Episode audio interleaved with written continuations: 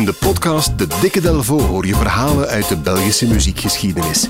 Van Arno tot Sap Mama, van Puerto Rico tot Hollywood aan de Schelde.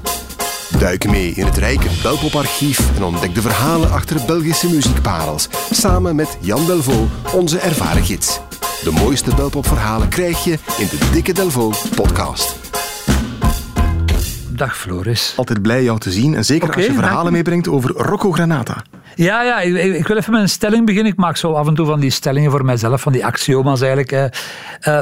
Vrijwel alle artiesten hebben eigenlijk een, een atypisch nummer. Je zegt van, tja, heeft hij dat ook gemaakt? Dat ga je bij iedereen bijna terugvinden, van Paul Severs tot Frontig voor Toe eigenlijk. Hè.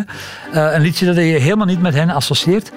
En niet zelden is dat nummer zelfs een bekendste nummer. Zoals dit bijvoorbeeld.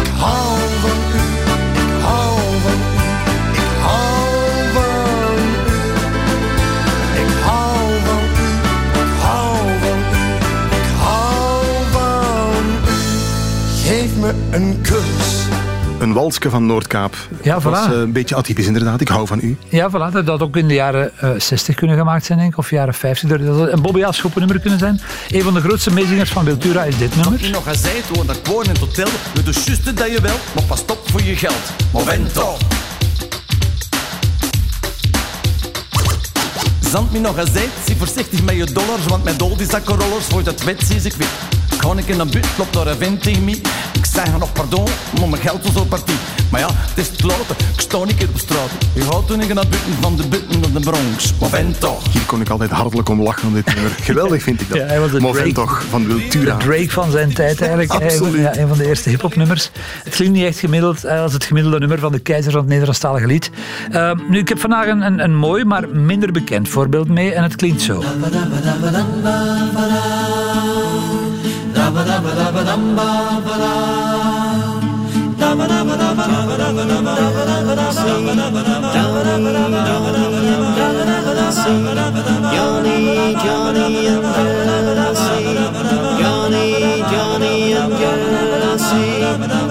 De verbazing is compleet. Dit is Rocco Granata, zeg jij. Johnny's Team heet hij. Johnny's Team, ja, nummer uit 1973. Filmmuziek, het is instrumentaal. Hè, een, een nummer dat hij maakte voor de prent Johnny en Jesse van regisseur Wies Andersen. Ken jij Wies Andersen nog? Zegt jou dat nog iets? Ik ken de Wies Andersen Show. Is dat die Wies Voilà, ja, Andersen? ja, ja, ja, in de jaren Ja. 70 had je de Wies Andersen show met een presentator die een beetje half Hollands praten. En die had een aantal ja, vaste gasten in zijn programma, waaronder Johan Antierens. Mensen die wat ouder zijn, zoals ik, gaan die namen zeker herkennen. Della Bossiers en Herman Cambries, dat was iemand van de luchtmacht, denk ik, een kolonel. Eh, misschien gewoon een klein sfeerstukje laten horen, gepikt van YouTube. Voilà, zo klonk het ongeveer in die tijd.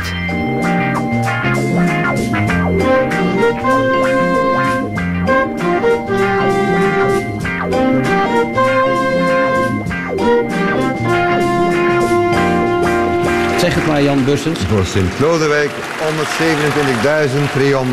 frank. Uitstekend. Hartelijk gefeliciteerd en bedankt voor het meespelen. Voor het. Sint-Jozef Instituut uit Antwerpen Luchtbouw 172.700 frank. Uitstekend, chef. En eveneens bedankt. Ik kom tot bij jullie. En ik zie jullie straks nog. Lieve mensen, tot kijk. Ja, ja, de klank van toen, de jaren 70. Ja, De zaterdagavond van mijn jeugd eigenlijk. Wies Andersen is, geen, eh, is een pseudoniem, is een artiestennaam van Alois de Bois. Acteur, regisseur, televisiemaker. En die startte in 1970 een eigen filmbedrijf. Dat heette Andersen eh, Films. En het eerste, de eerste prent is dus eh, Johnny en Jesse, ook zijn enige langspeelfilm. Die werd toen gepresenteerd als een intrigerende actiefilm. Met Wies Anders als producer, regisseur en ook als Johnny. In de hoofdrol dus. Hij had het druk op de, op Voilà, voilà, ja, ja. Hij was verliefd op Jessie, die werd gespeeld door Marieke van Leeuwen, een Nederlandse actrice die heel vaak in België... Het is de zus van Joke van Leeuwen, de schrijfster. Ja, ja, ja. Ehm, dus eh, zij, is, ja, zij is dan de, de, de, de beminde, zeg maar. Maar eh, hij houdt niet alleen van... eh, Jessie houdt ook van zijn auto. Dat vindt Jessie dan weer niks. En ze maakt een einde aan de relatie. Daar is Johnny dan weer eh, helemaal, van, van, hij is helemaal van slag. En wanneer hij eh, Jessie later opnieuw ontmoet, besluiten ze het nog eens opnieuw te proberen. Maar enkele figuren... Ik lees nu even de, de synopsis van de film. Ik dacht uit het, uit het verleden van Jessie trachten daar een stokje voor te steken. Nu, een van die duistere figuren is... Rocco Granata. Rocco Granata, ja, ja. film? Dus hij staat op die affiche. Qua framing kan dat wel tellen. We zijn in het begin van de jaren 70. Hè, ik bedoel, hij is een, ehm, een, een, een, een zo van Italiaanse hè, migranten. En hij staat dus met een leren jekker eh, op de affiche, een beetje in het donker hoekje. En zijn, hij speelt de rol van Gino. Dus ja, voilà, qua typecasting hè, kon dat wel tellen. Hij had toen trouwens al in een aantal films meegespeeld. Rocco heeft ook een beetje een, een filmcarrière gehad. Een van zijn eerste films, die heette Marina, was een, een prent in Duitsland in 1960.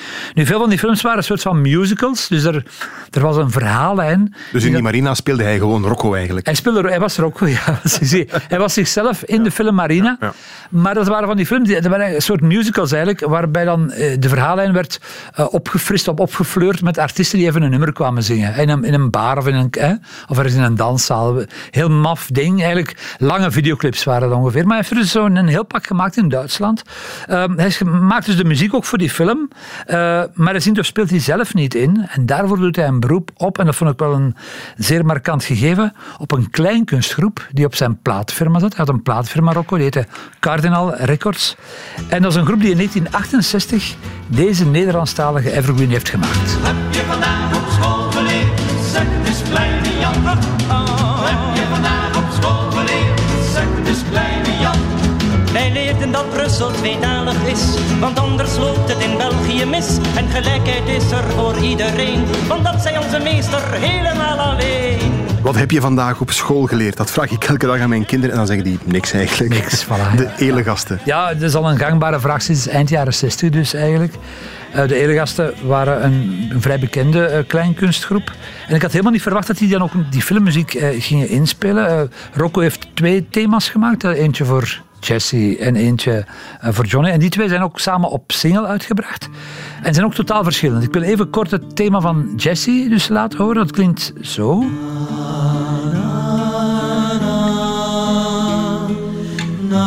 De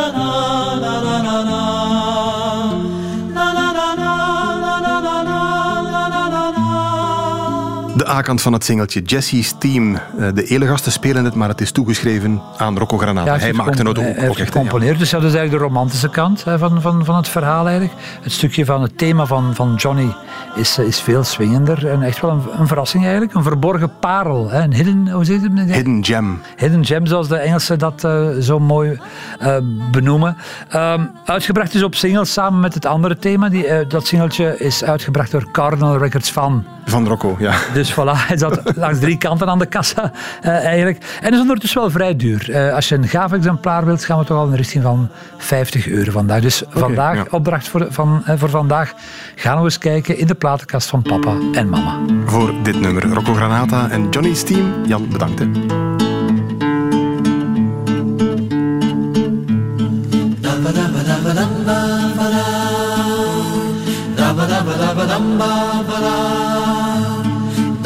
ba da ba dum ba ba da da ba da ba da ba dum ba ba da da ba da ba da ba dum ba ba da da ba da ba da ba dum ba ba da da ba da ba da ba dum ba ba da da ba da ba da ba dum ba ba da da ba da ba da ba dum ba ba da da ba da ba da ba dum ba ba da da ba da ba da ba dum ba Johnny, Johnny and Jessie.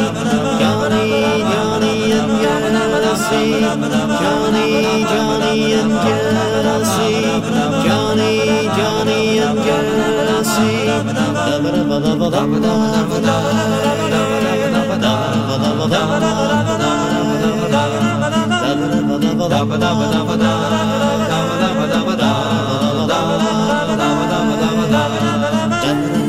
and Jessie. Johnny,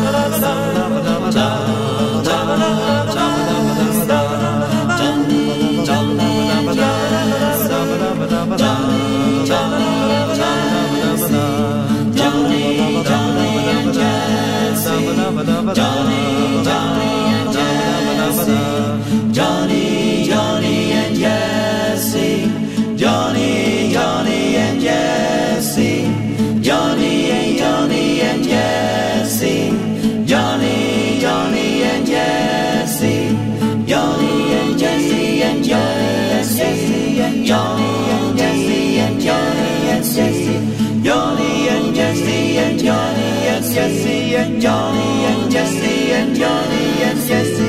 Da ba da ba da ba da ba ba da. Da ba da ba da ba da ba ba da. Da ba da ba da ba da ba ba da. Da ba da ba da ba da ba ba da. Da ba da ba da ba da ba ba da.